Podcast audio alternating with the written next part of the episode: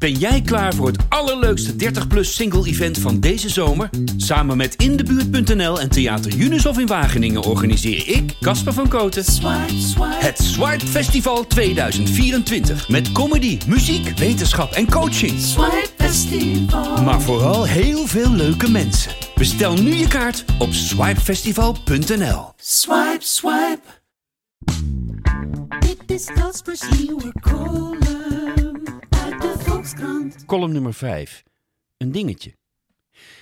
Natuurlijk kijk ik vooral naar vrouwen met kinderen. Je hoeft veel minder uit te leggen. Niets eigenlijk, heb ik al gemerkt. Maar deze voorsprong houdt ook automatisch in dat als je ooit samen verder gaat, jij voor haar kind of kinderen eventueel een factor gaat zijn, net zoals zij voor de jouwe. En zulk denkwerk geeft mij op voorhand een beetje stress. Ik ben de afgelopen drie jaar, sinds mijn scheiding, zo ongelooflijk gefocust op mijn eigen kind tijdens mijn dagen, en zelfs als ze er niet is. Ik ben zo intens begaan met haar welzijn op alle vlakken, dat ik me wel eens afvraag of ik wel klaar ben voor iemand anders in mijn leven dan zij. Ik wil mijn kind bovendien niets opdringen waar ze niet om vraagt. Geen nieuwe halfbroertjes en zusjes waar ze geen klik mee krijgt. Laat staan gaan verhuizen naar een stad of een dorp voor een samengestelde situatie. Tegelijk wil ik mezelf in de liefde niets ontzeggen, door vooraf alles kapot te redeneren. Het is kortom een ingewikkeld denkpatroon waar ik soms verstrikt in kan raken, maar waarvan ik ook weet, als die keuzestress komt, laat ik alles met het grootste gemak uit mijn handen kletteren en ben ik er alleen voor haar. Ieder moment. Het leukste zou natuurlijk zijn als de kinderen van een eventuele nieuwe partner even oud zouden zijn als mijn kind. Dat maakt dat ik automatisch moet zoeken naar moeders van eind 30, begin 40. Dat is de primaire reden voor de categorie waar ik in zoek. Dat wilde ik gezegd hebben. Maar misschien, en zo twijfel ik mijn date-dagen aan elkaar, is een vrouw zonder kinderen nog wel de beste optie.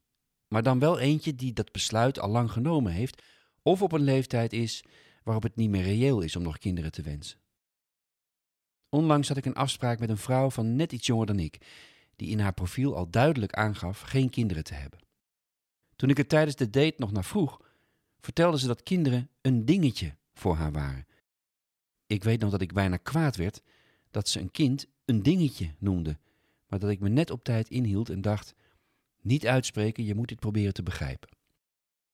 Dat deed ik toen ze daarna vertelde dat ze zelf geadopteerd was. We hadden een leuk etentje. Er was best wat chemie, er was humor, ondanks het dingetje. Maar toen ze me vertelde dat ze zich een paar maanden ervoor in de armen van een man van jouw leeftijd had gegooid en daarmee de raarste dingen had meegemaakt, gingen prompt mijn voelsprieten weer naar binnen. Meerdere keren had deze figuur tegen haar gezegd: Ik hou je tegen, je bent veel te goed voor mij.